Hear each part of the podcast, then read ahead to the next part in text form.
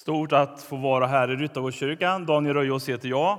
Var pastor här 2002 till 2008. Ser att det finns några kvar här som minns det. Det känns stort. Annars är det ruskigt mycket nya ansikten. Bor i Boxholm, jobbar i Centrumkyrkan Boxholm och i Mjölby pingstförsamling. Har med mig Noah här, men Tio och Tine är hemma. Jag ska göra tre saker. Först ska jag ge några boktips, lyssna noggrant. Sen ska jag predika om korset utifrån en text av Paulus. Och sen ska vi be mycket med och för varandra och söka Guds ansikte. Först min egen nya bok som kom i onsdags. Roligt att få ha releasekalaset i Ryttargårdskyrkan. I midsomras var jag i kupolen och predika. Erik Tilling var med. Det var instrumental musik och te temat var Tänk på vilodagen. Och då sa Erik efteråt, ska vi inte ge ut en bok om skiva som hör ihop? Om förundran, om vilan, om välsignelsen. Så så blev det. En skiva kom i onsdags med instrumentalmusik med Mikael Jeff Jonsson och Erik Tilling, gitarr och piano. Och sen den här boken, Helt liv. Vad får du om du köper den här idag? Jo, du gör mig väldigt glad. Det tycker jag borde räcka väldigt långt. Men efter ett förord av Joel Halldorf som beskriver tanken med helt liv, vad är det som binder ihop livet och ger det mening och innehåll? Vad är det som gör livet helt? Så skriver jag om konsten att förundras, vikten av vilodagen, om Herrens välsignelse. Vad handlar alla lovsånger om egentligen? Goda skäl att fira gudstjänst och bönen, ett skydd för våra tankar. Så den kan du köpa med dig hem och sitter här och känner att far fick för lite så vill han ha tio såna här. Så är det. Så till Paulus. Mikael Telbe var ju här förra veckan talade på ämnet Vad hände egentligen på vägen till Damaskus? Jag fick läsa manus under våren 18 raka frågor till Paulus. Så stimulerande, så välskrivet, så pedagogiskt och ganska krävande. Men kära vänner, det är inte bara lättuggat. Vi måste ibland gräva i skrifterna och fundera. Vad menade Paulus egentligen? Och jag tror att läsandet av den här boken kan revitalisera bibelstudiet enskilt och som församling. Mikaels bok ligger på ett bord. Du kan swisha 190 kronor och ta med den hem. Min bok finns på bordet till höger på min sida. Då swishar du 159 kronor. Visa swishet för Noah så vi kan lita på dig. Och vill du ha den signerad så ordnar vi det under kaffet.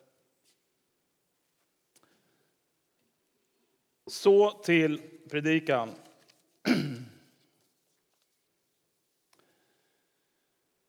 För ett antal år sedan talade jag med en kollega och han berättade för mig så här att någon gång i maj gav han och sin fru sig ut på stan. De letade efter en konfirmationspresent. Det var någon i släkten som skulle konfirmeras högtidligt och fint. Och när de stod i smyckesaffären och kollade på örhängen, och halsband och armband så kom en ung tjej som jobbade i butiken och sa entusiastiskt Korset har verkligen kommit starkt i vår. Det var hennes budskap. Och min kollega kliar sig lite. Har korset kommit starkt? Om nu korset skulle komma starkt i vårt land, bland våra vänner och grannar, hur skulle det se ut och hur skulle det märkas?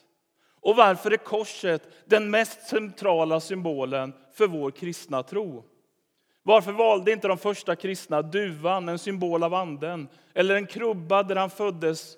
Varför valde man korset som det mest centrala i förståelsen av Jesus och kristen tro?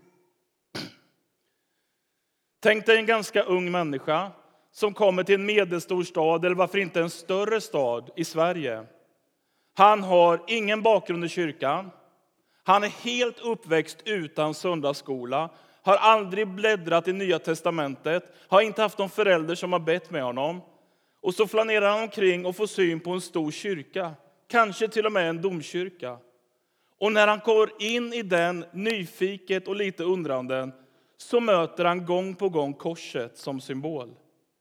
När han uppmärksamt tittar sig omkring så ser han att hela katedralen är formad som ett kors i sin arkitektur. Och uppe på kyrktornet och inne där framme i koret så finns korset som symbol. Han kliar sig i huvudet och funderar, varför denna symbol? Och så blir han sittande i kyrkbänken och fast han inte har tänkt det, bara flanerat in och hamnat där, så börjar mässan. Och han sitter plötsligt med sin stora ovana i en gudstjänst. Han sneglar till höger och vänster och de äldre människor som sitter där de har ett glittrande smycke runt halsen. Flera av dem bär ett kors som ett smycke. Han råkar ha hamnat i kyrkan vid påsktid. Och han får höra en predikan där pastorn eller prästen läser texter och talar om detta kors. Platsen där Jesus gav sitt liv. Och han blir så förbryllad. De talar om död, de talar om kors. Och alla verkar sitta och tycka att detta är helt naturligt. Och så börjar de sjunga en gammal psalm som man aldrig har hört förut. Den börjar så här i vers 1. På en avlägsen höjd stod ett grovt dystert kors, symbolen för smärta och skam. O, jag älskade kors där vår Herre för oss blev till döden en smärtornas man. Och så refrängen. Jag vill älska det urgamla kors. I dess kraft skall jag segrande gå. Jag omfamnar det heliga kors tills jag segrarens krona ska få. Och så i vers 3. I det urgamla kors av Guds blod färgat rött en underbar skönhet jag ser. Ty det är på det korset han lidit och dött, han som frälsningens nåd åt mig ger. Nu är vår vän mycket förbrillad. Vad är det de tror på egentligen? Vad är det de bekänner och sjunger? Vad handlar sången egentligen om? Någon verkar ha lidit mycket svårt, men inte på grund av sina egna brott, utan verkar som att de tänker att någon har lidit och dött i vårt ställe. Och vad är det som är så allvarligt med människan? Att denna någon var tvungen att bli smärtornas man och lida och dö i ett slags ställföreträdande lidande. Och hur kan de tro att denna förnedrande död på ett blodigt kors ska bli en segrande kraft? Och varför? Varför ser de helt naturliga ut när de säger att de vill omfamna och liksom krama detta blodiga kors? Vad är det för skönhet man ser i Jesu blod som rinner? Jag vill älska det urgamla kors. Kan det vara så att vi ibland har slipat ner korsets grovhuggna, blodiga stammar och gjort detta till ett gulligt smycke, till bara en symbol på psalmbokens omsida, på en vägg? Så att vi liksom har glömt den grymma verklighet av blodigt lidande som verkligen hände en gång på korset. Och min fråga är den här. Hur ska vi orientera oss i vår kultur? Hur ska vi förkunna och predika om Jesu död som försoning för en hel värld? Hur ska vi nå fram med ett budskap att någon i mitt ställe lidit och dött för min skull för att jag ska få den kärlek, försoning och förlåtelse som jag djupast sett behöver? Jag vill idag läsa en känd text av Paulus från Andra Korinthierbrevet 5, vers 11 21. Gud vill försoning, är rubriken. Och här rör vi hjärtat vid den fråga som predikan har inletts med. Jag vet alltså vad fruktan för Herren är och försöker därför vinna människor. Gud vet hurdan jag är och jag hoppas att ni också gör det innerst inne. Jag vill inte rekommendera mig själv igen, men ge er möjlighet att vara stolta över mig så att ni kan bemöta dem som skryter med det som ligger på ytan och inte med det som finns i hjärtat. Har jag varit i extas är det för Gud. Är jag sansad är det för er. Kristi kärlek lämnar mig inget val, ty jag har förstått att om en har dött för alla, då har alla dött. Och han har dött för alla, för att de som lever inte mer ska leva för sin egen skull, utan för honom som dog och uppväcktes för dem. Därför bedömer jag inte längre någon på människors vis. Och om jag också har uppfattat Kristus på det sättet så gör jag det inte nu längre. Den som är i Kristus är alltså en ny skapelse. Det gamla är förbi, något nytt har kommit. Allt detta har sitt upphov i Gud som har försonat oss med sig genom Kristus Jesus och ställt mig i försoningens tjänst. Ty Gud försonade hela världen med sig genom Kristus. Han ställde inte människorna till svars för deras överträdelser och han anförtrodde mig budskapet om denna försoning. Jag är alltså Kristi sändebud och Gud manar er genom mig. Jag ber er på Kristi vägnar, låt försona er med Gud. Han som inte visste vad synd var, honom gjorde Gud till ett med synden för vår skull, för att vi genom honom skulle bli ett med Guds rättfärdighet. Hur ser vägen in i vår samtid? Hur kan korset komma starkt?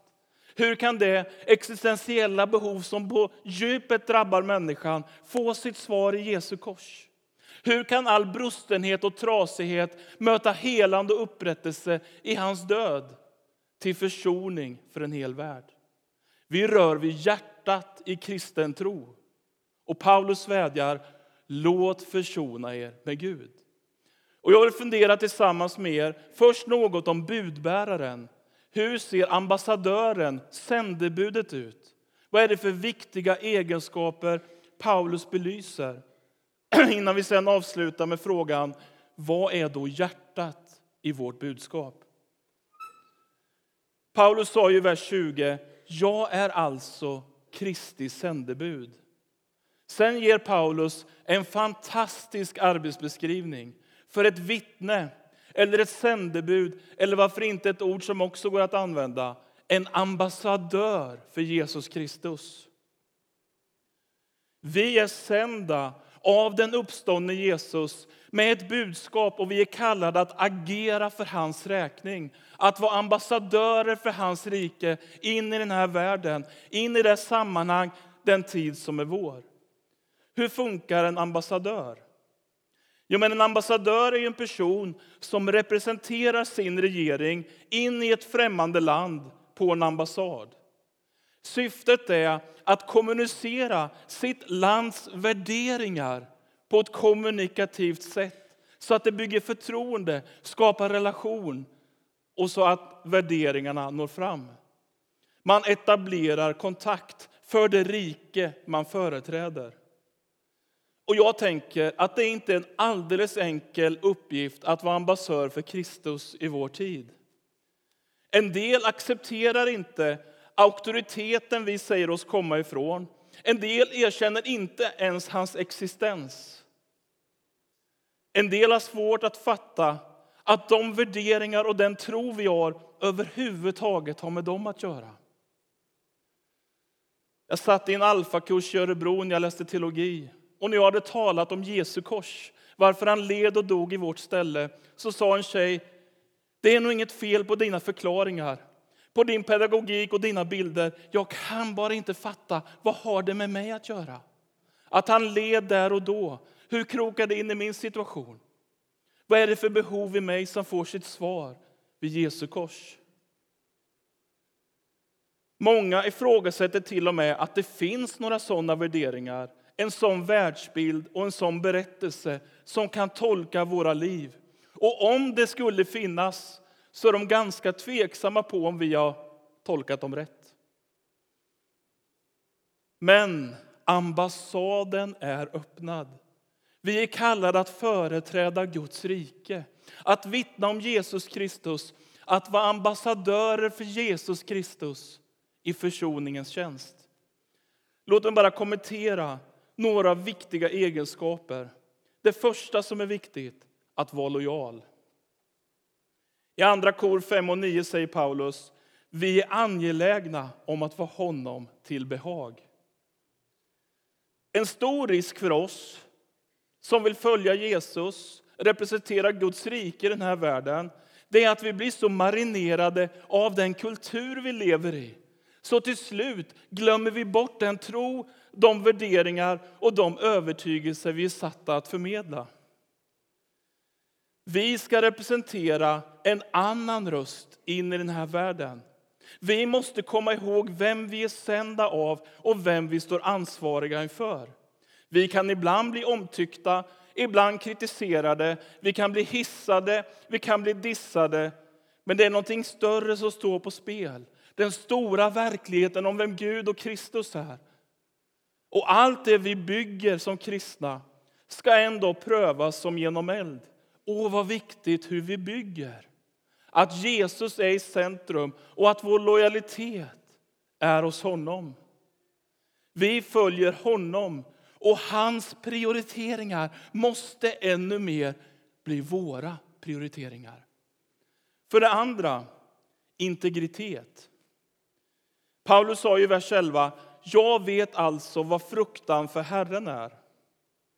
Om vi glömmer vem vi följer, om vi tappar fruktan för vem han är och om vi saknar integritet så kommer ju vår närvaro sänka förtroendet för det evangelium vi ska företräda. Våra liv kan ibland dra ett streck över det vi säger istället för ett streck under det vi säger. Poängen med att sända en ambassadör är att personliga relationer ska etableras. Förtroende ska uppstå och att vittnen med integritet kommer som hans sändebud. Det räcker inte med ett mejl eller digitala kanaler. Du behövs med din närvaro, med dina personliga relationer. Din integritet kan öppna dörrar för det som sägs i förkunnelsen. Och Paulus utbrister, Gud vet hurdan jag är och jag hoppas att också ni vet det innerst inne. För det tredje, ödmjukhet. Paulus sa, jag vill inte rekommendera mig själv. Ambassadörens jobb, eller Kristi sändebud i den här världen är inte kallad att först och främst bygga det egna varumärket. Det handlar inte om mig, mitt, om min status och mitt varumärke. Det handlar om någonting större. Jag representerar Jesus. Jag är ett vittne för försoningen. Jag kommer för Guds rike. Det är inte dina och mina privata intressen som är i fokus. Det handlar inte om vår egen framgång, om vi lyckas eller inte. Din kallelse är att vara trogen, att följa den korsmärkte Kristus, att vara ett sändebud för honom. Och in i en kultur där många är tveksamma till sanningsanspråk, där allt färre tror att det finns en gemensam berättelse som tolkar livet, så blir ödmjukheten viktig för att du ska kunna nå fram och förmedla tro. För det fjärde, andlig kraft. Paulus talade om det som finns i hjärtat. Tillbaka till bilden av en ambassadör. Tänk dig en italiensk ambassadör som är helt ointresserad av konst som bara struntar i vackra byggnader och inte gillar italiensk mat. Det blir ju lite klurigt att nå fram.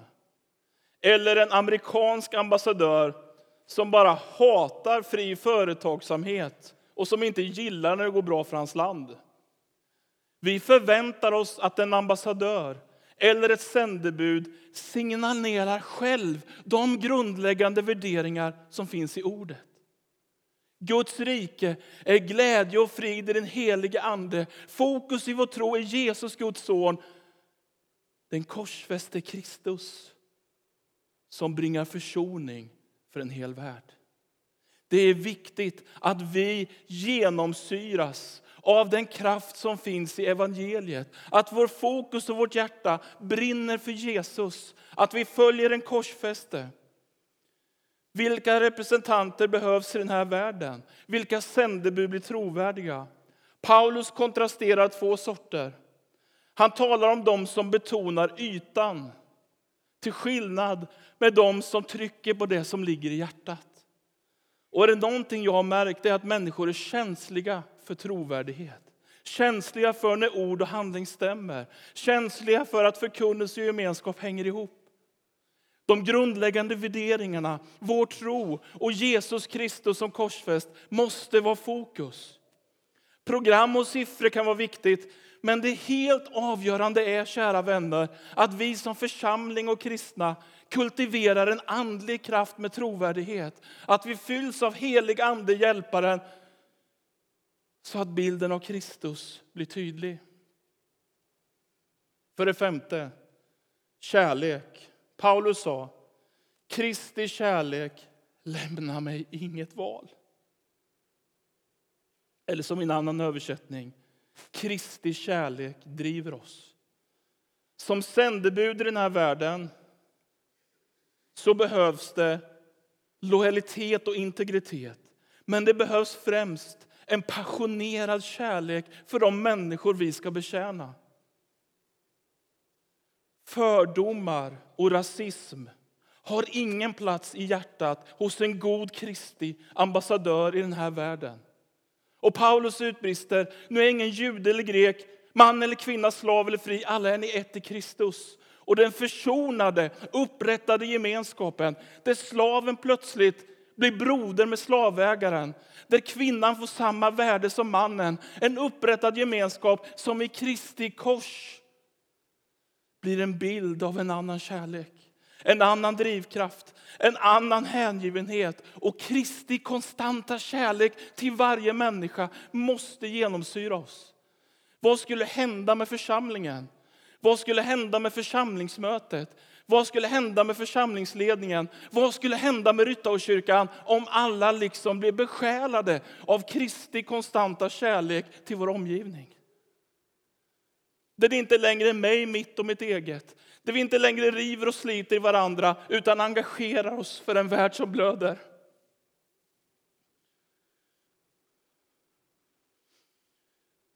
Det är inte främst de stora gåvorna som Jesus använder utan en allt större likhet med honom.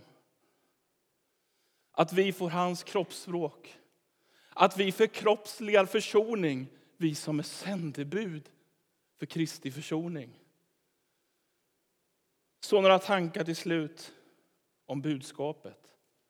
Om nu den här ambassadören eller sändebudet har trovärdighet och integritet, lever i lojalitet mot sin Herre och Frälsare och är fylld av kärlek. Vad är hjärtat?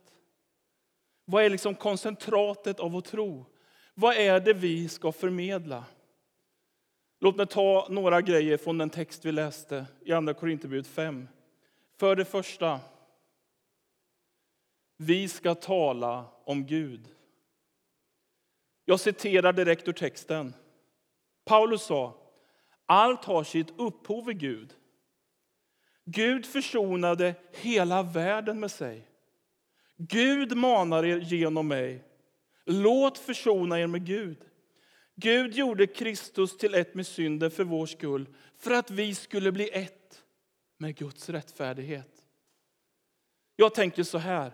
Vi behöver vara oerhört gudscentrerade och samtidigt människorelaterade. Gudscentrerade och människorelaterade. Vem ska tala om Gud in i den här världen om kyrkan är en tyst? Och i en kultur där många inte längre är familjära med hans identitet så behöver vi återberätta den stora berättelsen om Gud och hans folk. Bibelns 66 böcker, Gamla och Nya testamentet berättelsen om Gud och hans folk som kulminerar i Jesus Kristus som lider och dör på korset när Gud försonar hela världen med sig. Allt detta har sitt ursprung i Gud. Vi behöver hjälpa människor att hitta tanken. Vi har vårt ursprung i honom. Vi är skapade i hans avbild. Och det som gått sönder kan helas. Och till slut kanske ibland säga, kan jag få be tillsammans med dig? Jag hör vad du brottas med. Får jag be för dig? Och berätta om Jesu exempel, att lägga en hand på någon och be om Guds närvaro. Och så plötsligt upptäcka att människor säger, oj, du verkar ju faktiskt ha kontakt med Gud på riktigt. Vi delar tron på en Gud som är här. Universum är inte tomt och tyst. Det finns en röst som söker varje människa. Allt har sitt upphov i Gud som försonade världen och genom oss manar Gud välkommen hem. För det andra, vi ska tala om Jesus. Paulus sa ju den som är i Kristus. Gud har försonat oss genom Kristus jag är Kristi sändebud och jag ber er på Kristi vägar. Jesus är själva centrum i tron. Han är själva centrum i inbjudan. Han är själva svaret på vår brist. Han är försonaren för en hel värld. Vi talar inte bara om Gud i generella termer. Vi talar om Gud så som han är uppenbarad i historien i Jesus Kristus. Johannes 1.18 säger, ingen människa någonsin sett Gud, den enda sonen, själv Gud, alltid nära Fadern. Han har förklarat honom för oss. Gud har fått ett ansikte ibland oss. Och när vi läser om Jesus så värms våra hjärtan av det varma leende som kommer i honom som var sann Gud, sann människa. Jesus säger, den som har sett mig har sett Fadern. Och därför är min dröm som predikant inte att efteråt bara få en ryggdunk och säga jag fattar predikan för en gångs skull. Nej, jag drömmer om att människor ska säga jag har aldrig fattat att Jesus är så underbar. Det är ju det det handlar om. Givetvis är det kul med en uppmuntran som predikant, men det jag drömmer om, det jag predikar om, det är att vi ska få se Gud sådan han är i Kristus. Sådan han är i försoningen, sådan han är som älskar varje människa. Så när vi predikar och vittnar till slut får höra, jag hade inte en aning om att Jesus var så underbar.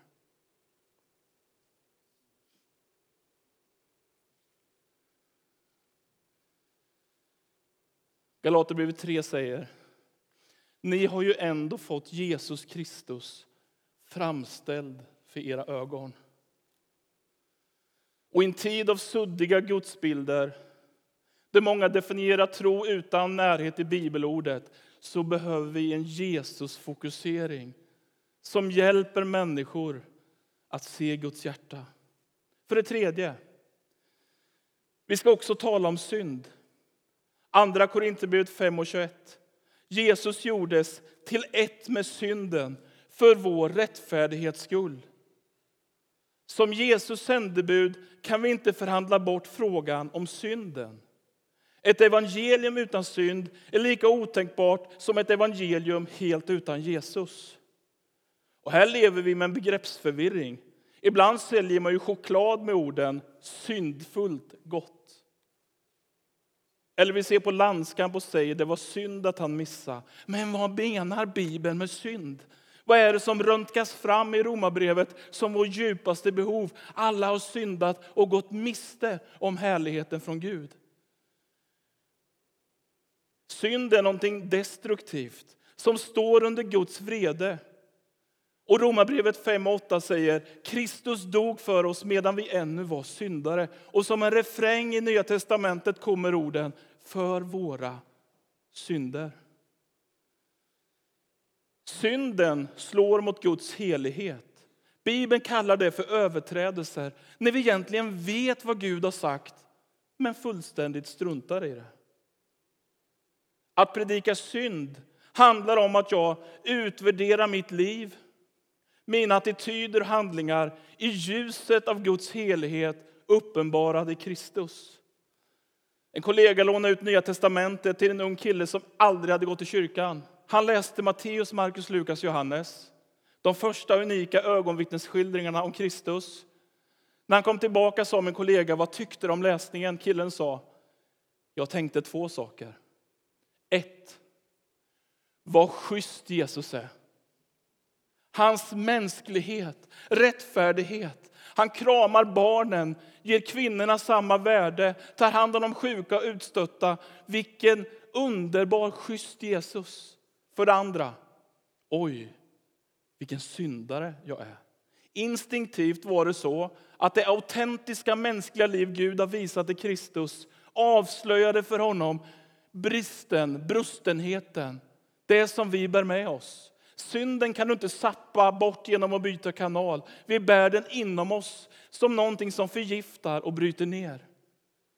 Vi predikar tyngden av Guds härlighet även när den krockar med vår tids uppfattningar och självbekräftelsebehov. Och det leder oss till detta viktiga. Vi ska tala om försoning. Allt detta har sitt upphov i Gud som har försonat oss med sig genom Kristus och ställt mig i försoningens tjänst. Ty Gud försonade hela världen med sig genom Kristus. Han ställde inte människorna till svars för deras överträdelser och han anförtrodde mig budskapet om försoning. När man ser sin brustenhet, känner av tyngden av det som skaver i livet behöver man få en förståelse av vem Jesus är så att man kan ta emot den försoning Gud erbjuder genom Kristus. Evangeliet säger med väldigt goda nyheter, han håller inte synden emot oss. Han låter den drabba Kristus så att vi kan bli ett med Guds rättfärdighet. Det är ju det som är det saliga bytet, när det sämsta och värsta och det mörkaste i mänskligheten lastas på Kristus som bär det i vårt ställe, som låter sig brytas för vår skull för att vi ska helas och som försonar en hel värld och lyfter den underifrån på ett kors.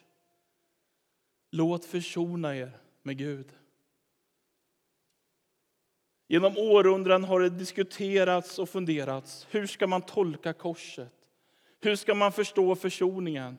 Är det främst en kampseger där Jesus liksom ger sig ut i kampen mot allt destruktivt?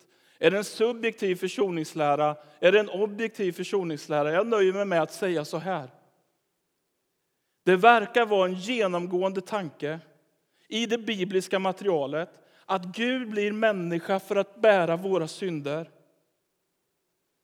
Ta det på sig en gång för alla försona människan med Gud genom att dö den död vi förtjänade för att ge oss upprättelse, förlåtelse och ett helt nytt liv.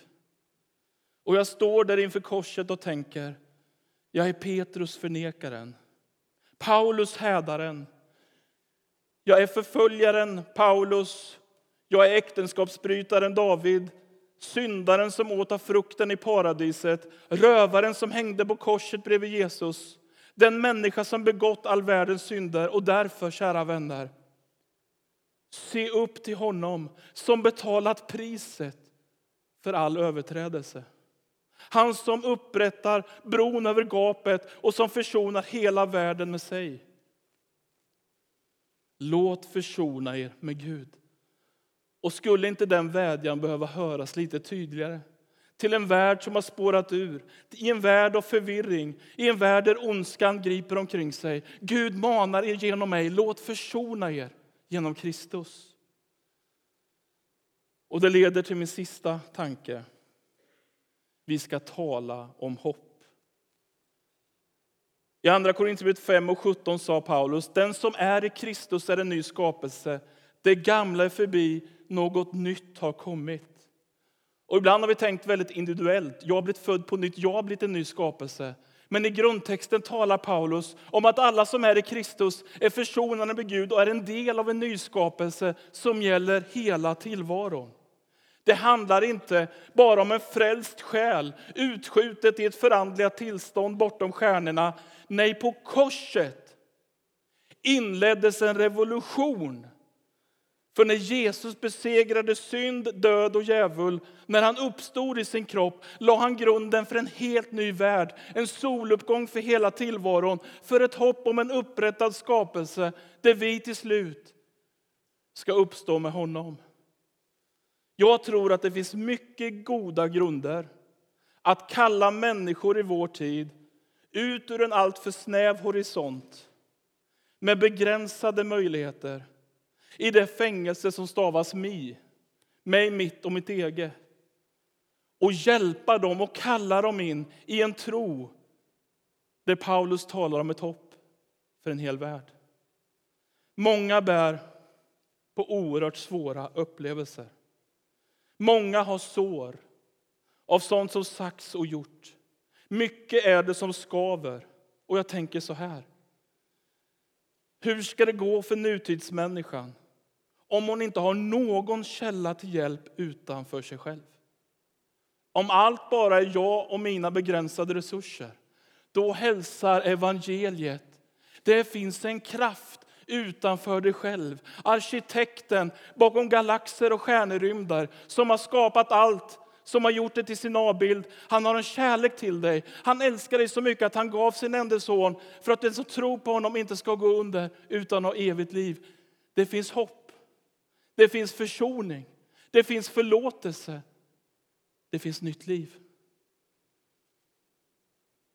Evangeliet erbjuder något större än bara ett självhjälpsprogram. Evangeliet säger Gud själv har invaderat vår mänsklighet och fött ett nytt hopp. Han har lagt grunden för en ny identitet. Han har gett varje människa nya möjligheter. Och Guds, nå, Guds nåd och Guds hand har liksom nått in över alla våra troubled waters. All ångest och allt mörker som du kan bära har han smakat. Han lyfter dig, berör din existens, lyfter dig underifrån och du är försonad med Gud genom Kristus. Det är detta budskap av hopp som vi har anförtrotts som Herren Jesu Kristi sändebud i den här världen. Och lyssna noggrant nu. Vi här är alla kallade att vara med och resa upp människor och räta ut böjda ryggar. Någon sa så här, det kallades evangelium för det hade en lättande effekt på människor. Vi är inte kallade att lägga bördor på människor. Vi är inte kallade att trycka ner varandra. Vi är kallade att lyfta varandra. Så som Kristus har lyft oss. Godta därför varandra som Gud har godtagit er i Kristus Jesus.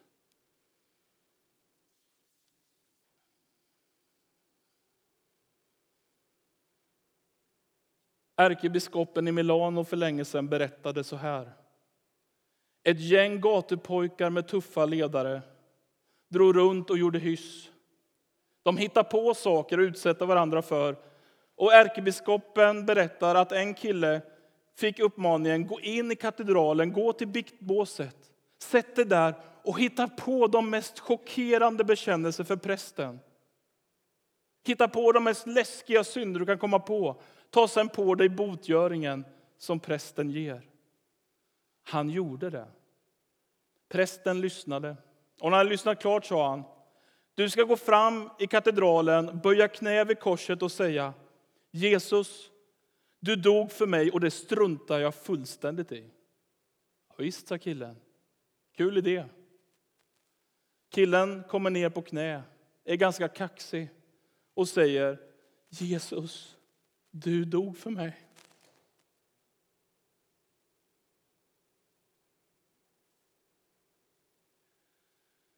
Sen tystnade han med blicken på Kristi lidande ansikte och kom inte längre. Och ärkebiskopen säger, jag vet att detta var sant, för jag var den pojken.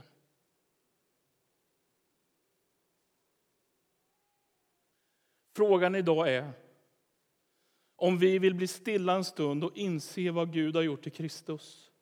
Liksom böja våra knä vid korset Ge upp vår egen stolthet, ödmjuka oss och låta korsets kraft beröra oss med den kraft som är Guds kraft till frälsning.